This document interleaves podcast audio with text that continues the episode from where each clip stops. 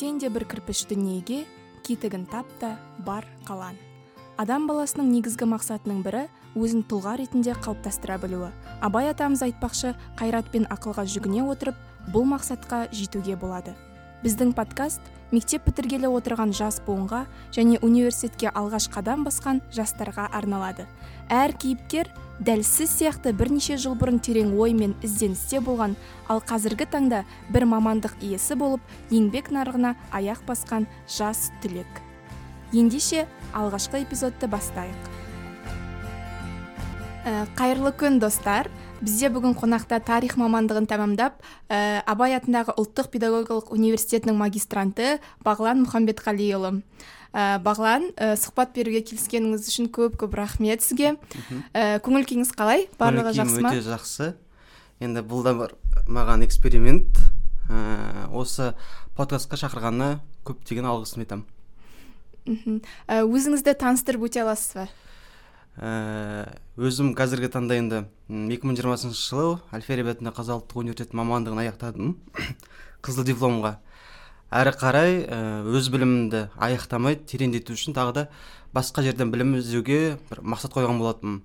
Ә, қазіргі таңда абай атындағы қазақ ұлттық педагогика университетінде бірінші курс магистрантмын екі оқуымда грантта оқыған болатынмын. Өйткені бұл бірінші жүректің қалауы болды. Мхм.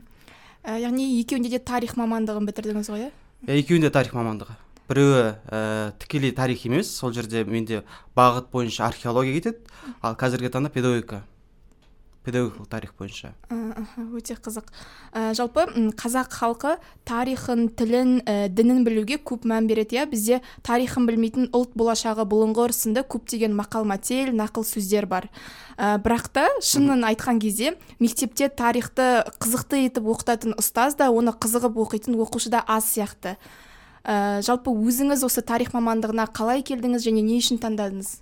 Тікелей енді осы тарих мамандығына келуіме мүмкін ұстаз себепкер болған шығар. Өйткені ұстазға деген махаббат сол тоғызыншы класста оянған болатын менде. Яғни тоғызыншы класстан бастап он бірінші классқа дейін мен тарихқа былай айтқанда ә, тереңде кіріп кеткен болатынмын. Соның нәтижесінде енді оныншы сыныптан бастап ұлттық бірыңғай тестілеуіне дайындалдым. Сол бойынша тарих мамандығын ең бірінші іздестірген болатын. Қай университетте ең жақсы оқытатын? Ол нақты шықты нәтижесі әл фараби атындағы қазақ ұлттық университеті. Өйткені өз қаламда қалғым келмеді қарағанды қаласында. Өйткені ол жақтың ең бірінші деңгейін білдім тарих бойынша. Соның нәтижесінде алматыға келіп әлі өзі алматы қаласында бес жылға жуық шамасында жүрмін. Мхм керемет. Жақсы. Ал қазір осы тарих туралы жалғастыратын болсақ иә мамандықтың болашағына мүмкіндіктеріне келетін болсақ ә, оқуды аяқтағаннан соң осы тарих мамандығын бітірген түлектер қандай жерлерде жұмыс істей алады? Мхм. Ә, қазіргі таңда енді тарих мамандығын бітірген ә, түлектер шынымен айтсам былай айтқанда жұмыс деңгейі яғни жұмысты іздестіру бойынша коэффициентке келгенде кем деген нөл бүтін оннан жеті. Ол дегеніміз жиырма үш түлек бітіретін болса оның кем дегенде бір бес алты түлегі ғана нақты жұмыс табады. Қалған 15-17 түлектер ол жұмыссыз қалды. Ол нақты менің примерімдегі дәлел өйткені 2020 жылы аяқтаған 23 түлектің небәрісі жетіге жуық ә, бакалавр мамандығын дамымдаған деңгейін тамамдаған студенттер небәрі жетеуі ғана мектепте жұмыс жасап жатыр. Ал қалғандары жұмыс жасап кетті кейбіреулері өздерінің жеке кәсіптерін бастап кетті ал қалғандары қазіргі таңда жұмыссыз күйде әлі жүр. Ол дегеніміз ең бірінші шынымен де оныншы он бірінші сыныпта оқушылар көбінде проференциация мән берген дұрыс өйткені мен байқағаным жиырма үш түлектің барлығы педагог боламыз деп нақты болып келген жоқ ол жерде. Барлығы не үшін келді? Барлығы грант үшін ғана келген болатын. Грант ең бастысы әке шешемнің қалтасына салмақ салмасам деп келген болатын барлығы. Соның нәтижесі яғни төрт жылдың бір нәтижесі осы болды бізде. Э, ол осы оқушылардың таңдауын саналы түрде жасамағанмен байланысты деп иә, ойлайсыз тікелей сонымен байланысты. Ол жерде ең бірінші енді оқушыны да кінәлауға болмайды. Бұл жерде ең бірінші ата ананы кінәлау керек. Өйткені он мен он бірінші сыныпта да енді өзімнің де примерім ретінде әке мысалы маған мән бермеді. Қай жаққа барасың қай жаққа түсесің. Оларға бәрібір болды ең нәтижесінде айтқаны ұбт кезінде. Ұбт дан аз жинайтын болсаң балам оқытамыз деді. Ақылы түрде болсын оқытамыз деді. Бірақ сол нәрсе былай айтқанда қынжылтады көбінде көбінде. Өйткені егер бала он мен он нақты мамандығын таңдаса ол түбінде грантқа түседі. Өйткені ол мамандық өз жүрегінің қалауы. Яғни жүректің қалауы нәтижесінде бала өз білімін өзі алады былай айтқанда. А қалай ойлайсыз ол еңбек нарығымен байланысы жоқ па? Мысалға бәлкім қазіргі қазақстанның нарығына тарихшылар керек емес деп айту да бір білмеймін дұрыс емес сияқты. Бірақ қалай ойлайсыз еңбек нарығында осы сұраныс бар ма? Еңбек нарығында сұраныс бар. Ыыы былай айтқанда. Бірақ ол жерде көбінде бітірген мамандарды алмайды. Яғни оларға көбінде еңбек өтілі керек. Ал еңбек өтілі бітірмеген яғни студенттік өмір шақты аяқтамаған балада еңбек өтілі қайдан болады? Өйткені мен ә, еңбек нүкте кезетінен қараған кезде мамандыққа сұраныс бар. Бірақ ол жерде 5 жыл 10 жыл еңбек өтілі болу керек. Ал олсыз ешқай жер алмайды жұмысқа. Мхм ә, бірақ сосын меніңше кейбір студенттер ә, ақысыз түрде жұмыс істеуге келіспейтін сияқты иә? Yeah. Иә. мысалға шыны керек мен өзім бірінші курста оқығанда ақысыз жұмыс істедім және ол үшін ұялмаймын. Ә, себебі ә, бір екі ай өткен соң маған менің өзімнің сол кездегі бастығым өзі маған ә, айтты мен саған енді ақы берейін деген сияқты. Өйткені ол түсінді бұл менің жұмысым екен қалай ойлайсың біздің студенттер осындайға дайын ба? Бұндайға дайын емес шығар көбінде. Ә, өйткені барлық жерде енді қазіргі нарық заманы болғаннан кейін барлығына түптің түбінде ақша керек қой қаражат керек. Ондай оқиға менің де басымнан өтті. Өйткені ә, нақ осы үшінші курстан бастап ә, былай айтқанда еңбек өтілімді бірден бастап кеткен болатынмын. Соның нәтижесінде ең алғашқы жалақым ә, сенесіз бе сенбейсіз бе қырық мың теңге болды. Былай айтқанда ол маған үлкен эксперимент былай айтқанда. Өйткені соның нәтижесінде тағы да махаб жаңа мамандыққа деген махаббатым екі есе ашылды. Соның нәтижесінде магистратура негізі сияқты мен ә, құқыққа түскім келіп жүрген болатын. Құқыққа бір жылдың көлемін дайындалдым мен. Түбінде осы 2020 жыл маусым айында келген бетте түп санам былай айтқанда жүз сексен градусқа өзгеріп кетті өйткені сол бір жылдың көлемінде жұмыс жасаған ісім өз нәтижесін берді. Мысалға 37 жеті дайындаған оқушының отыз екісі барлығы өзінің қалаған мамандығына грантқа түскен болатын. Былай айтқанда көзімді жүз сексен градусқа өзгертуге былай айтқанда себепкер болды былай айтқанда сөйтіп тағы да ары қарай дайындығымды екі еселеп осы магистрдағы тестімді қыркүйек айында тапсырып жоғары балл жинап қазіргі таңда грант иегері атанып отырмын.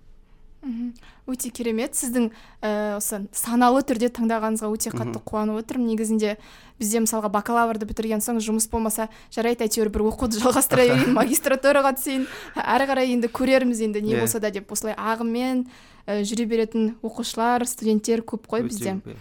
Ә, жалпы қалай ойлайсың? Ә, қалай ойлайсыз? Мектептегі тарих пен университет қабырғасындағы оқытылатын тарихтың қандай айырмашылықтары бар? Айырмашылық шыны керек. 11 классқа яғни мектеп мұғалімі дайындаған тарихтың универдегі дайындаған ұстаздың бір үлкен ә, айырмашылығын көрмедім шыны керек. Өйткені ә, мектеп пен универдің айырмашылығы қатты маған сезілмеді. Сезілді қандай жағдайда? Ол әрине жатақхана тұрған кезде ғана сезілді. Ал басқа сәттерде мүлдем сезілмеді. Ең бастысы бұл жерде универге келген кезде білім емес адам ең бірінші жауапкершілікті алып үйренеді. Яғни сол сәттен бастап адам ең бірінші жеке өміріне аяқ басады деген сөз. Ал ол жерде қалай оқисың өзің үшін оқисың ба біреу үшін оқисың ба ол ешкімді қызықтырмайды. Ең бастысы біліміңді аласың тәмамдайсың. Ал одан кейінгі жағдай ол өзіне байланысты тікелей. Мхм жақсы. Ә, осы жерде бірақ ә, нақты тарихтың сіздер тарих мамандығы болғасын әр кезеңді бөліп бөліп оқитын шығарсыздар иә? ал мысалға әл фарабида қалай осы структурасы қалай жасалған? Мысалға жалпы тарихқа түсесіз әрі қарай сол жаңа кішкентай салаларына бөлінеді ғой? Иә, иә. мысалға журналистикада теле радио деп ә, бізде бөлеміз. Бізде енді қазіргі таңда енді өзгеріс бойынша білім беру үдерісіндегі бірінші бала ә, тарих факультетіне түскен кезде мамандықты өзі таңдауға еркі бар. А біздің жылдар ондай емес еді. Мысалға белгілі мамандыққа түсесің ары қарай оқисың. Ал қазіргі таңда енді оқушыларға деген мүмкіндік өте зор. Өйткені ең бірінші мамандықты таңдауға өз еркілері былай айтқанда бар болып табылады. Мысалға оқушы тарих мамандығына түскен кезде бес алты бағыт бағдар бойынша оқи алады. Бірінші ол музей архив ә, одан бөлек археология антропология ғылыми тарих және педагогикалық тарих. Осы бағыттар бойынша оқи алады. Және де ең негізгі бағыт ол жерде бізде танымал қазіргі таңда керекті кітапханасы. Қазіргі таңда осы біздің тарих факультетінде оқытылып жатыр. Мхм қызық екен кітапхана ісі не үшін қазір бізде не? Сұранысқа ие сұранысқа ие дегеніміз ол жерде енді қараңыз барлық кітапханада жұмыс жасап жатқан мамандардың барлығы бізде өзінің былай айтқанда дипломмен жұмыс жасап жатқан жоқ. Көбісі филолог көбісі аудармашы деген сияқты. Сол үшін қазіргі таңда ең бірінші бізге сапалы мамандар керек. Мхм жақсы рахмет. Ә, жалпы маккинзи деген шетелдік әлемдік компания бар. Сол консалтинг компаниясының зерттеуінше 2030 жылға қарай автоматтандыру роботтандыру және жасанды интеллект дамуының нәтижесінде жұмыстың елу пайызға жуығы робот алмастырады екен иә. Осы автоматтандыру ә, тарих мамандығының болашағына қалай әсер етті деп ойлайсыз? 2030 жылға қарай? 2030 жылға иә. Енді қазіргі таңда бізде білім беру инновациясы яғни инновациялық бағытқа былай айтқанда үлкен аяқ басты. Сол нәтижесінде қазіргі таңда шынымен де ә, жұмысымыз жеңілдеп жатыр. Ол қандай тараптан? Ә, көбінде біз ә, сабақтың барысында үйлестірмелі ә, жұмыстарды пайдалана тырысамыз ол квиз болсын одан бөлек анимациялық видеолар болсын оларды қосып қоямыз да бізге кішкене демалысқа уақыт бар. Бірақ дегенмен де оның нәтижесінде оқушылардан тағы да сұрақтар туындайды. Ал ол сұрақтарды робот жауап бере алмайды. Соның нәтижесінде бізде былай айтқанда педагогикалық бағыт қанша мысалға жиырма ғасыр өтсе де отыз ғасыр өтсе де ол түбінде де актуалды болып қала береді. Яғни ол робот алмастыратын бір мамандықтардың қатарына кірмейді деген ойдамын. Мхм. Жақсы рахмет. Ә, сол жаңа басында да ұбт туралы кішкене айтып кеттік. Біздің қазақстанда түлектер үшін ең маңызды сәт қой бұл. Бәріміз уайымдайтын ұлттық бірыңғай тест. Ә, жалпы ұбт ға қалай тиімді дайындалуға болады? Бұл туралы сен керемет білесің деп ойлаймын. Иә енді ұбт да жүргеніме төрт жылдың шамасы болды. Е, ең бастысы бұл жерде мұғалімнің емес оқушының қалауы болу керек. Соған былай айтқанда көзім жетті. Егер мұғалім белгілі бір ақпаратты беретін болса ол ақпаратты ол оқушы одан сайын тереңдетіп алып кету керек. Сол кезде ғана нәтиже болады. Ал мынандай жағдайлар болады бізде. Оқушылардың берген деңгейімен ғана яғни мұғалімдер белгілі бір ақпаратты береді сол деңгейде жүре беретін оқушыларды көрдім. И олардың балымен өзі терең ізденетін оқушыларды көрген кезде былай айтқанда әрине басымдық өзі ізденетін оқушыға беріледі. Яғни қазіргі таңда жаңа атап өттім сіздерге инновациялық білім болғаннан кейін ол жерде ізденуші деген болады. Ал ізденуші әрқашан терең ізденсе өз білімін өз алса әрине балы әрқашан жоғары болады. Мхм жақсы. Өзі көп іздену керек иә? Іздену керек жалпы негізі ұбт ға жалпы білім беретін мектепте оқитын оқушы қанша уақыт дайындалуы керек? М негізі дайындықты ертерек бастаған дұрыс. Егер жоғары балл алғысы келсе әрине оныншы сыныптан бастаған дұрыс. Ал егер ә, ол жерде көбінде мамандыққа байланысты. Кейбір мамандықтарға алпыс баллмен де түсуге болады кейбір мамандықтарға жүз отыз балдан жоғары жинау керек деген сияқты. Ол жерде енді қанша балл егер бала өзінің мақсаты ретінде жүз қырық баллды қоймаса әрине онда дайындықты он бірінші сыныптан бастаған дұрыс. он бірінші сыныпты тыңғылық дайындалған дұрыс. Он бірінші сыныпта яғни бір жылдың көлемінде оқушы үлгереді дайындалып. А, қалай ойлайсыз? Жалпы біздің оныншы он бірінші сыныптың оқушылары профориентолог деген маманға бара ма? Осы маман қаншалықты керек біздің түлектерге жастарға? Ә, жаңа төрт жылдың былай айтқанда тәжірибемде ата аналардың бір уайымдағанын көрмеппін шыны керек балалар үшін қандай мамандыққа барады қай жаққа жұмыс жасайды деген сияқты. Және бұл нәтижесі не туындайды бізде? Сапасыз мамандардың алып келуіне туындап отыр бізде қазіргі таңда. Ал проферетолог деген мамандық негізі әрбір мектептің қабырғасына керек былай айтқан мамандық ретінде кіргізуге болады. Өйткені ол қызметті негізі психологтар атқару керек. Ал психологтар ондай қызметті мүлдем атқармайды. Сол үшін қазіргі таңда ондай проферентолог деген мамандықтар қазіргі таңда тек ә, жоғары мектептерде ғана бар. Шатаспасам назарбаев зияткерлік мектебінде көрдім және қазақ түрік лицейінде ғана көрдім мен. Ал олардың шынымен де шығып жатқан түлектер өте сапалы мамандар естіп отыр қазіргі таңда. Иә өте керемет. Бірінші рет естіп тұрмын иә. Жалпы профориентолог маман болмаса адам өзін іздеуге қалыптастыруға көп уақыт жоғалтып алатын сияқты. Бірақ әрине әр адам өзінің ә, енді өмір барысында өзін табады деген үміттемін. Бірақ сонда да бір уақыт, сол уақытты бір тиімдірек пайдалану үшін жылдамырақ сол ә, таңдауын жасау үшін осындай мамандар керек сияқты шынында да. Ал осында қандай бір практикалық кеңес бере аласыз? Жалпы өзіңнің сол қабілетіңді анықтау үшін қандай ресурстар пайдалануға болады? Қазір бәлкім бізді ауылдан кішкентай қалалардан ә, түлектер тыңдап отырған шығар. Ең бірінші осы ең бірінші жаңағы проферонтолог ең бірінші мамандықты айқындауда оқушыға болашақта яғни алдағы он жылда жиырма жылда өзін қай бағдарда көреді? Енді тікелей ол жерде мамандықты анықтамаса да өзінің отыратын жерін білу керек.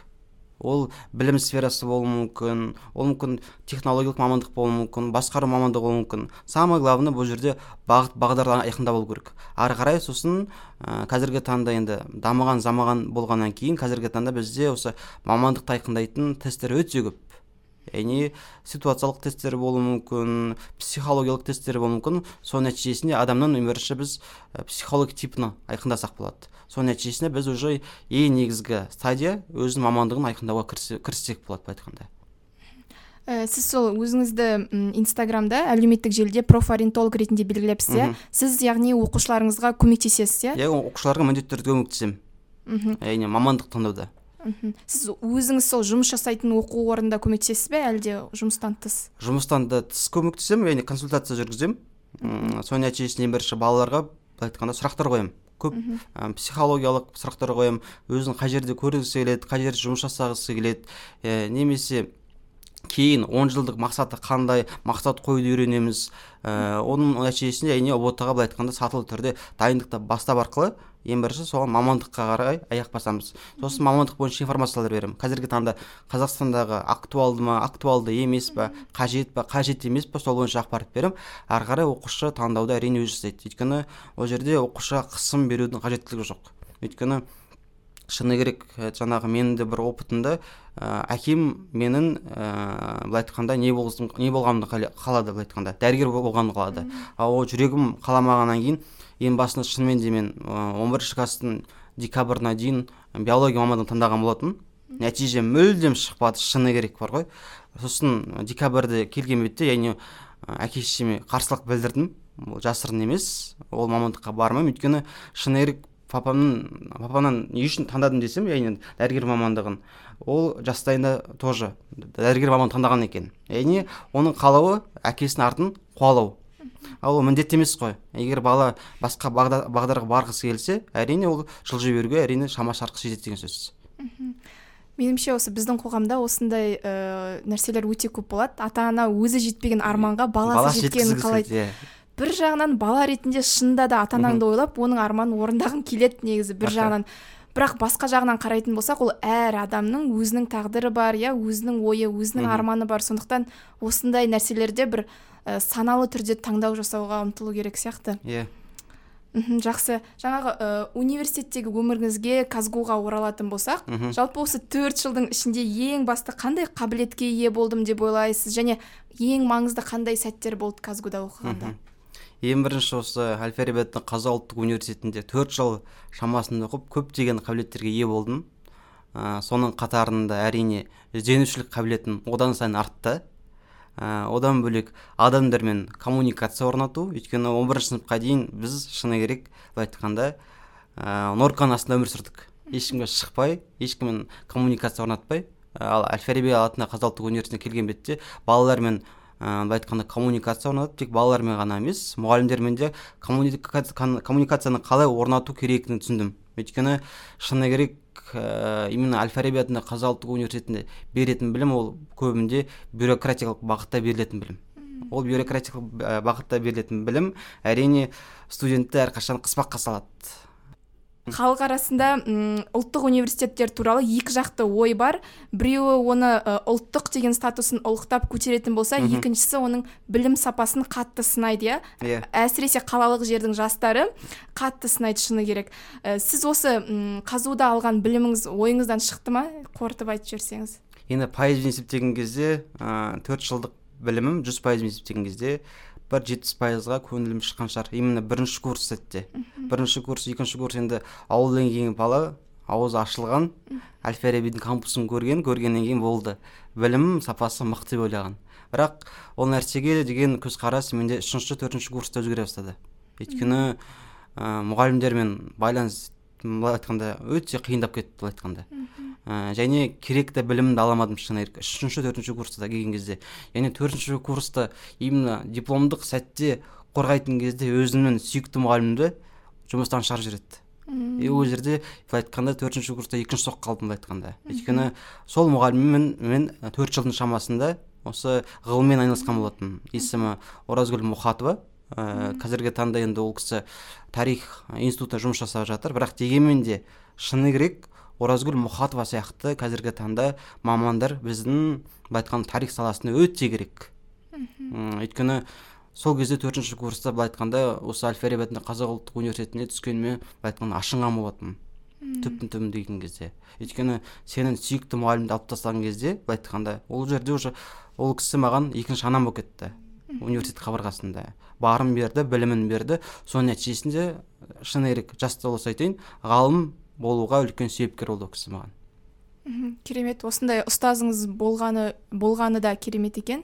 Ал егер енді қазір он бірінші сынып бітірсеңіз қай университетке барар едіңіз? Тарих саласында қандай үздік университеттер бар қазір елімізде? Қазіргі таңда енді ә, шыны керек тарих мамандығы бойынша ол оқушының қалауы бойынша. Ә, өйткені бір оқушы ә, қазіргі заманды зерттегісі келеді кейбір оқушы орта ғасырды зерттегісі келеді. Өйткені ә, шыны керек қазіргі таңда бірінші орынды шыны керек әл фараби атындағы қазақ ұлттық университеті мен абай атындағы қазақ ұлттық педагогикалық университеті бөліп отыр. Енді ол жерде ә, бағдарды неге беру керек? Оқушы қай кезеңді зерттегісі келеді? Менің зерттейтін негізгі кезеңім жиырмасыншы ғасыр болғаннан кейін әрине басымдықты мен абайға бердім. Абай атындағы қазақ ұлттық педагогикалық университетке бердім. Өйткені ол жерде қазіргі таңда алаш тақырыбын өте жақсы қозғайды. Ал төрт жылдың шамасында оқыған кезде әл фарабиде ол жерде басымдық көбінде байқағаным орта ғасырлық кезеңге өте жақсы берген екен. Иә. Жалпы қазақстан тарихының қалыптасуында жиырмасыншы ғасырдың орны енді өте зор ғой өте ерекше. бұны. Иә айтудың өзі тек тарих емес сол жерде мемлекет ретінде қалыптасуына үлкен себепкер болған осы алаш зиялылар болып табылады. Ә, жаңа сол зерттеулер туралы айтып кеттіңіз. Студенттік кезіңізде қандай қызықты зерттеу жұмыстармен айналыстыңыз? Ә, бірінші ә, шыны керек осы жиырма бір жасымда алғашқы еңбегімді жарық көрген болатын. Ол тікелей тағы да алаш тақырыбы аясында. Өйткені алаш тақырыбы әлі де түп былай айтқанда терең зерттеліп үлгерген жоқ. Бірақ дегенмен де актуалды. Ә, зерттелмеген тақырыптардың аясында ол тұлға тану мәселесі яғни ә, көбісі алаш десе тек әлихан ә, міржақып немесе ахмет деп қана шектеледі. Ал одан бөлек осы алаштың құрамында болған қаншама азаматтар бар. Ал олардың тарихи бағасын беретін кім? Ол әрине тарихшылар. Соның негізінде яғни зерттелмеген тақырыптардың аясында осы ә, сейдазым қадырбай деген тұлғаны алған болатын. Сейдазым қадырбайдың осы қазақстанның сіздің именно қызығып жүрген салаңызға үлкен үлес қосқан болатын. Яғни құқық саласына. Ә, егер құқық саласын білісетін болсаңыз сол жерде қылмыстық іс деген бар.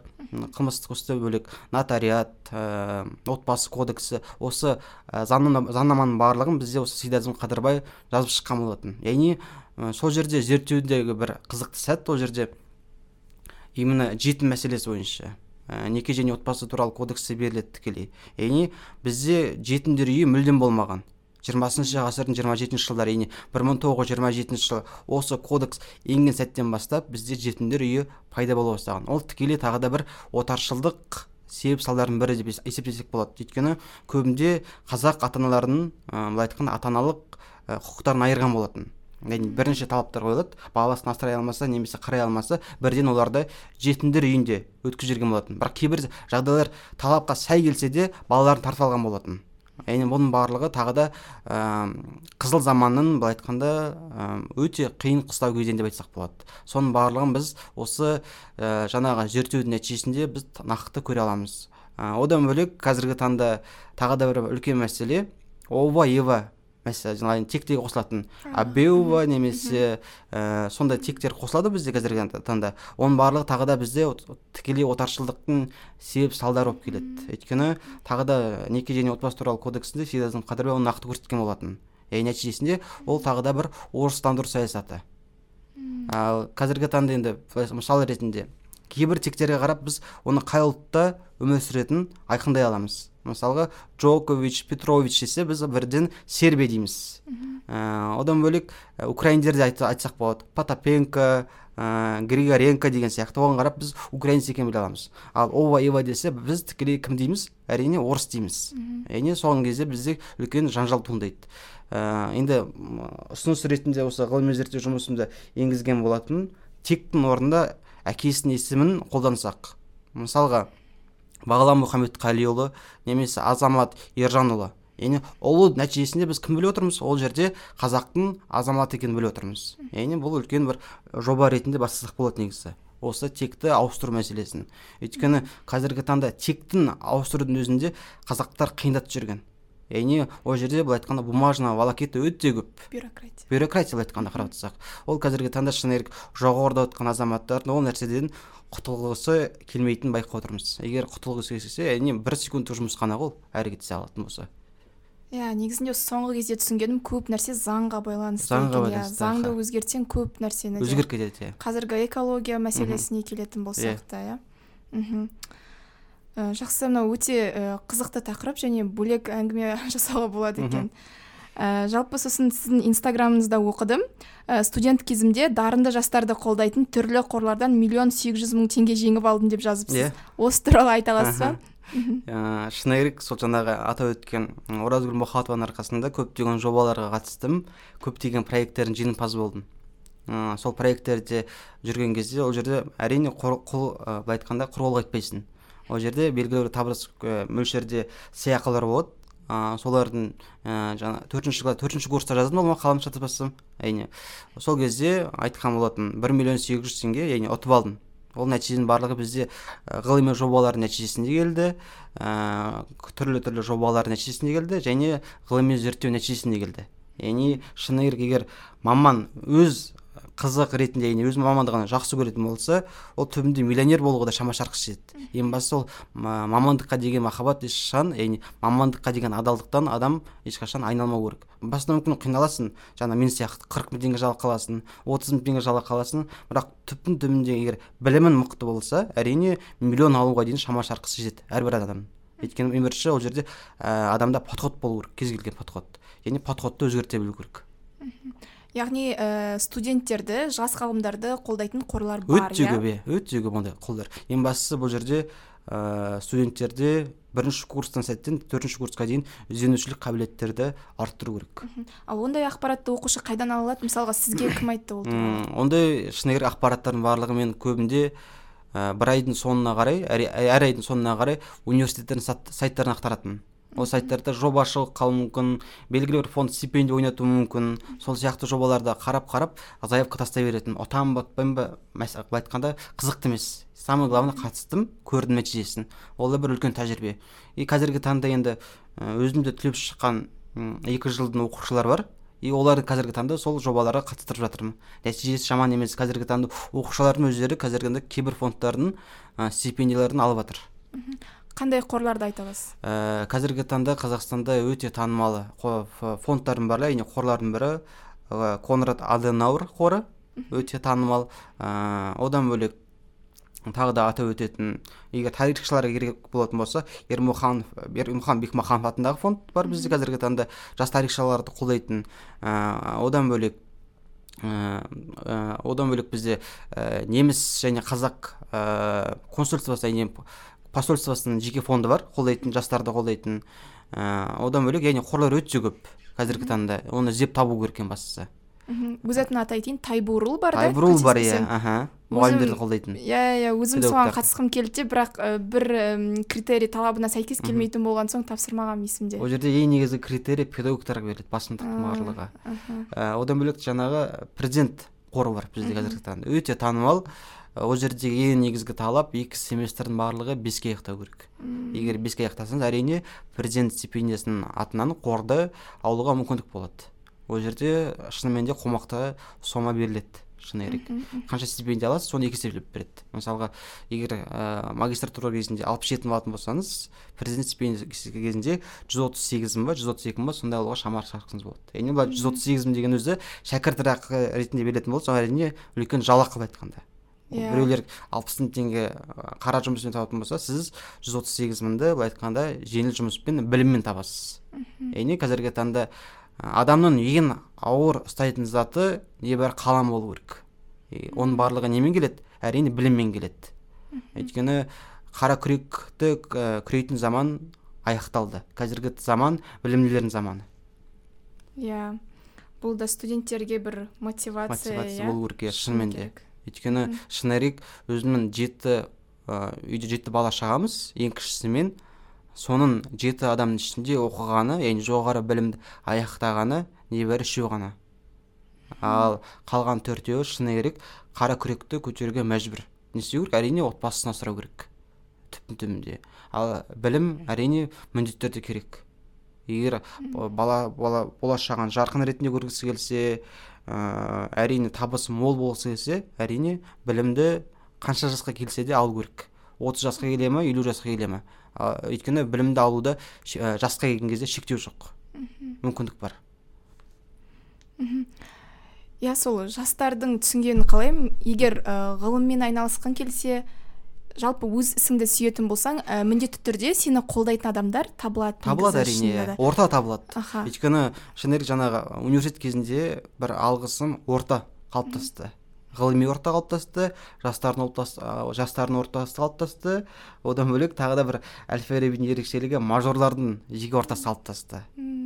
Солай айтсақ болады. Өйткені адам әрқашан дос болады. Қандай досқа ә, дос болады былай айтқанда? Ол ә, былай айтқанда қадір қасиетті өздеріне ұқсас достарға әрине былай айтқан соның нәтижесінде достығы былай айтқанда нығая түседі. Ә, ондай достарды аллаға шүкір осы әл фараби атындағы қазақ ұлттық университетін тапқан болатынмын біреуі тараздан біреуі ақтөбеден біреуі шымкенттен. Разница жоқ. Өйткені именно солтүстіктен келетін балаларды байқағаным шымкенттегілермен айтқанда сөйлескісі келмейді мүлдем. Иә ол бір бөлек бөлек мәселе бар иә, иә бізде. стереотип қой былай айтқанда қарап отырсақ. Көптеген иә, иә. стереотиптер бар бізде. Шатаспасам батыстан келген оқушыларда яғни сондай стереотип бар шатаспасам. Иә иә батыста да кішкене оңтүстіктің адамдарымен көп араласуды көп құптамайды шындығына келгенде иә. Өйткені бір есте қалатын бір жағдай. Ә, жатақханаға бірінші келген күнім мамам ә, заттарымды әкеліп тастап тастады. Сосын бірінші айтқан сөзі не болды? Шымкенттіктермен жақын қарым қатынаста болма деді. Шымкенттің қызына барма деді. Иә сондай әңгімелер айтты. Көзім банка. Бірақ шыны керек бірінші курс нәтижесінде оның стереотиптің барлығын бұзған болатын. Өйткені шымкенттен екі жақын адал досым бар. Соларға қарап мен стереотиптің барлығын бұздым. Бірақ шыны керек ыыы ата анамның айтқан сөзін де жоққа шығаруға болмайды ондай балаларды байқадым мен. Ол да жоққа шығаруға болмайды шыны керек иә. Негізі шынында да ата анаң саған не айтады ата анаңның ойы осы басқа жаққа барған кезде соны байқайды екенсің. Мен қалай не ойлаймын? Оказывается бұл менің папамның айтқаны екен ғой. иә иә сондай менде де болды өзімде сондай. Өте қызық. Мхм. Ә, жалпы сіз енді қазір ә, магистратурада ә, педагогика саласында жалғастырып жатырсыз яғни болашақта өзіңізді нақты осы ә, ұстаздық етуде көріп отырсыз иә? Иә. Толықта осы білім беру сферасына толықтай кірдім. Ә, соның нәтижесінде енді 2020-дағы ең үлкен жобалардың бірі ол әрине өзімнің жеке центрімді ашу. Ыбырай эду центрді уже бастап кеттік. Қазіргі таңда оқытып жатырмыз. Онлайн форматта. Бірақ бізге кішкене форматты өзгертіп ә, офлайн форматқа көшу нәтижесінде оқушылардың барлығын алматы қаласында орналасқан оқитын барлық оқушыларды осы ыбырайға әкелу ойда бар. Ол жерде енді тікелей ә, белгілі бір доходқа бір байланып қалмайды. Өйткені оқушыларға шынымен жағдай жасағым келеді. Именно мамандық таңдаудың нәтижесінде немесе ә, көбінде көп, оқушылар ұбт дан аз қалса болды өмірім бітті деп ойлап қалады. Шынымен де ә, қазіргі таңда оқушыларға жасалатын жағдай өте көп. Бірақ оларды бағдарлайтын адам керек. Бағыт бағдар беретін адам керек. Ал шын егер оны біз мектепте дайындайтын болсақ оның барлығын әрине әрбір оқушы түбінде ә, ой санасы былай айтқанда ұбт ға былай айтқанда байланып қалмас еді. Өйткені қазіргі таңда шетелге шығамын десем есік ашық тұр. Өйткені жағдайлар яғни программалар өте көп. Және қарапайым өзі қазіргі таңда оқып жатқан оқушылардың көп бөлігі турцияда тұр. Яғни қазіргі таңда ол жақта түркия бурсалары деген программа бар. Ол жақта да қазіргі таңда қазақтарға деген сұраныс өте көп. Ә, одан бөлек америкада фулбрайт программасы бар оқығысы келсе әрине шыны керек америка құрама штаттарының басымдығы көбінде акцентті орталық азияға жасайды өйткені шыны керек на фоне американдықтарға қарағанда орталық азиаттар ақылды болып келеді. Шыны керек. Өйткені ә, бір эксперимент ретінде осы майкрософт па шатаспасам или apple компаниясы ма ә, собеседование өткен кезде біреу америкалық келген екіншісі азиат келген. Олар міндетті түрде азиатты алады екен. Өйткені азиаттар ақылды болып келеді екен көбінде. Және университет талаптары негізінде де азиаттарға дағы да басымдық беріледі. Ол жерде жаңағы университеттің рейтингісін көтеруге үлкен басымдық беріледі тағы да. Дәл осы жердегі азиаттық бұл қытайлық қытайлық негізі қытайлықтарға беріледі ғой негізі. Япондықтарға беріледі бірақ оның ішінде біз қазақтар кіріп кетеміз ғой түптің түбінде. Жалпы жаңа студент кездегі м, сіздің жұмысыңыз туралы сұрауды ұмытып кетіппін Ә, студент кезде жұмыс істейтін жастарға қалай қарайсыз? Қай салада жұмыс істеу керек керек болса әлде көп акцентті білімге қою керек пе? Ол жерде енді оқушының талабы бойынша ғой. Егер баланың м, мысалға суббота немесе воскресенье күндері бос күндері болатын болса әрине официант болып жұмыс жасауға болады. Өйткені өзімнің басымнан өтті. Суббота воскресенье бізде как положено официант болып жұмыс жасаймыз банкеттерде. Ә, ол жерде енді тікелей студенттік өмір болғаннан кейін ол жерде қиындықтар болады именно қаражат негізінде. Өйткені әке шешеден ақша сұрауға ұяласың қысыласың стипендиям бар жүріп жатыр. Бірақ ә, ол жерде киім алғың келеді немесе кітап алғың келеді ол жерде күн сайын әке шешеден ақша сұрай бермейсің сол үшін жұмыс жасауға мәжбүрсің. Ә, өйткені ә, одан бөлек официанттан бөлек сатушы болып жұмыс жасауға болады.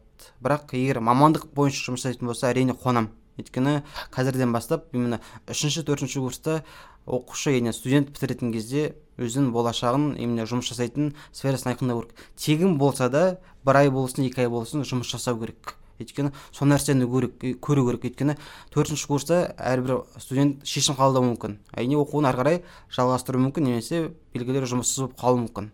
Яғни сол нәрсені сол мәселе шыны керек үшінші курста уже қызықтыра бастау керек. Яғни қай жаққа барамын қай жерге жұмыс жасаймын деген сияқты. Үшінші курстан бастап үлкен ірі ірі компанияларға барлық жерге түйіндемені барлығын лақтырып тастаған дұрыс. Кейін мүмкін шақырып қалар бір жылдан кейін. Мүмкін ә, екі жылдан кейін шақырып қалар. Түптің түбінде олар сен резервте тұрсың резервте яғни белгілі бір жұмыс жұмысшы шығып кетсе түбінде сол, сол адамның орнын сен басасың деген сөз.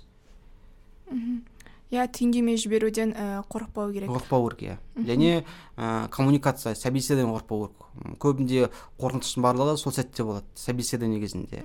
Ол жерде более менее жабық күйде емес кішкене көбінде ашылу керек. Яғни қасиеттерін көрсету керек былай айтқанда. Өйткені қазіргі таңда жұмыскерлердің барлығы ә, дипломға емес мейлі сен гарвардты бітір мейлі сен казгуды бітір бірақ ол жерде қабілетіне былай айтқанда басымдық беріледі. Soft skills иә? soft skills иә. Соған басымдық беріледі. Ә, университет бітіргеннен соң ә, ресми түрде істеген а, алғашқы жұмысыңыз туралы айта аласыз ба? Осы не бітірген бітті қазіргі таңда енді екі центрда жұмыс жасап жатырмын. Біреуі k2 life ктл екіншісі өзімнің жеке центрім. Ә, ктл-ді қазіргі таңда ол жақта шатаспасам жетпіске жуық оқушылар дайындап жатырмын. Ал өзім 32-ге жуық оқушылар дайындап жатырмын. Шыны керек ә, егер мұғалімнің жалақысы именно біздің кезде оқушылардың түп санасы шектеліп қалған. Мұғалім жалақыны өте аз алады деп жетпіс мың теңге сексен мың теңге. Сол кезде бірінші курста туған ағам мектепте жұмыс жасайды. Сол нәрсеге көзім жетті негізі шыны керек. Алғашқы жоғарғы білім беруді яғни бакалавр бітірген бетте алғашқы жалақысы елу екі мың теңге болды. Соны көрген кезде менде шыны керек бір жағынан шок болды екінші жағынан бұл мамандыққа не үшін түстім деген сауал туындады менде. Уже грантқа оқып жатырмын ол кезде бірінші курста. И сол кезде былай айтқанда күйініш болды. Елу екі мың теңге кейін қалай күн көремін деген сияқты. Бірақ шүкір аллаға қазіргі таңда именно білім және ғылым министрінің аймағамбетовтің жасап жатқан жұмыстары өте былай айтқанда мұғалімдерге үлкен жағдай жасап жатыр. Бірақ шыны керек білім беруде тек мектеппен ғана шектелмеу керек. Жеке центр ашу керек немесе жеке курстар жүргізу керек. Өйткені ә, шыны керек былай айтқанда мектепте жұмыс жасайтын мұғалімдерге қарағанда мейлі он жылдық стажы болсын высший категория болсын мен алақым жалақым өте жоғары олар қарағанда. Және оларға қарағанда менде ә, бумажная волокита мүлдем жоқ. Тікелей мен сабақ беруге кірген болатынмын. Ол жерде мен құжат толтырмаймын ба- балаларға баға қоймаймын тікелей балаларға сабақ бере беремін. қырық минут болсын елу минут болсын шектеу жоқ ол жерде бір жақсысы. Сол үшін қазіргі таңда осы жеке центрімді ашуды қолға алып отырмын. яғни қазір нағыз педагогтың жұмысы иә? Жұмысы, иә, ешқандай артық жұмыс артық жұмыс жоқ. Аха. Ал мұғалімдердің барлығы неден қорқады? Жиырма минут егер қырық минут уақыт толық сабақ берілетін болса жиырма минут ол құжат басылып өтеді. Жиырма минутта балаға былай айтқанда минут жетпейді. Даже кей кезде таңғаламын ә, сабақ түсін- түсіндіріп жатқан кезде даже жиырма минуттың өзі балаға жетпей қалады. Яғни ол жерде шыны керек. Ә, мұғалімдердің барлығын ол нәрседен алып тастау керек. Сол үшін қазіргі таңда мектептерге мынандай ұсыныс тастар едім. Тьютор деген ә, былай айтқанда мамандық енгізу керек. Тьютор дегеніміз именно сол педагогтың көмекшісі ретінде. Құжаттарын толтырып отырсын жұмыстарын атқарып отырсын бумажный волокитесінің барлығын өзі қолға алсын. Ал мұғалім тікелей педагог балалармен айналысу керек. Құжаттармен емес. Қателеспесем осы нұр орда ниш сияқты мектептерде ол жақта бар тьютор деген бар иә. Мұғалімдердің көмекшілері бар. Ә, енді осы соңына қарай келіп қалдық. Өзіңіздің болашақтағы жоспарларыңызбен бөлісе аласыз ба? Барлығымен емес енді бір ең маңыздыларымен. Өзіңізді қайда көресіз болашақта? Он шақты жылда дейік. Он жылда он шақты жылда иә. Алла бұйырса шыны керек. Осы 2021 маған бір табысты жыл болады деген ойдамын. Өйткені биыл сол ыбырайдан бөлек жеке кітаптарымды шығару ойда бар. Ә, қазіргі таңда ә, егер естісеңіздер даңқты тұлғалар деген серия бар. Ә, кішкентай кітапшалар. Ә, соның төрт кітапшасын жазып қойдым. Алла қаласа осы уже алматының ә, қаңтар айының соңына қарай уже қаражат толықтай бөлінді. Уже алла қаласа төрт кітабым шығады төрт кітапшам шығады былай айтқанда. Біреуі дінмұхаммед қонаев екіншісі мұқағали мақатаев екіншісі ә, жетісу жауһарлар сериясымен екі ұм, табиғи зона шығады ол жерде шарын шатқалы екіншісі күлсе гүлдері ә, одан бөлек тағы да бір кітабым алла қаласа осы ұбт форматында шығады. Оқушыларға дайындық оқу әдістемелік құрал ретінде қазақстан тарих дүниежүзі тарих адам қоғам құқық пәндерінен шығады. Яғни екі мың жиырма бірге деген план өте көп. Бірақ түбінде он жылдағы бір мақсатым ыбырайдың жеке мектебін ашу. Түбінде соған барамыз алла қаласа. Өйткені шыны керек ә, частный мектеп пен ә, мемлекеттік мектептің айырмашылығын былай айтқанда үлкен қылып көрсетпеу керек. Өйткені барлығына білімді бірдей беру керек. Аха жақсы рахмет. Енді соңында бізде бір блиц сұрағымыз бар төртеу ғана. Ә, сосын сізді босатамыз. Ә, бірінші сұрақ. Әр тарих маманы оқуға тиісті бір кітап? Көшпенділер. Ілияс есенберлин көшпенділер еңбегі үш томы оқу керек міндетті түрде. Университет қабырғасында әр студент жасауы керек бір әрекет. Ең негізгі әрекет хотя бы төрт жылдың көлемінде екі үш мақала жазу керек іздену керек өзінің саласы бойынша. Ғылыми мақала. Ғылыми мақала жазу керек. Оныншы он бірінші сыныпта оқитын бағланға қандай кеңес берер едіңіз? Жалқау болмау керек. Ең негізгі шыны керек даже сол кезде оқып жүрген кезде менде жиырма бестен жиырма бес алатын шама шарқым жетті. Бірақ не құртты? Әрине еріншектік құртты. Еріншектің нәтижесінде сол діттеген мақсатыма жете алмай қалдым. Бірақ грантқа түстім аллаға шүкір. Ең бастысы еріншектікті қою керек. жиырма төрт сағатқа қосымша тағы төрт сағат берілсе немен шұғылданар едіңіз?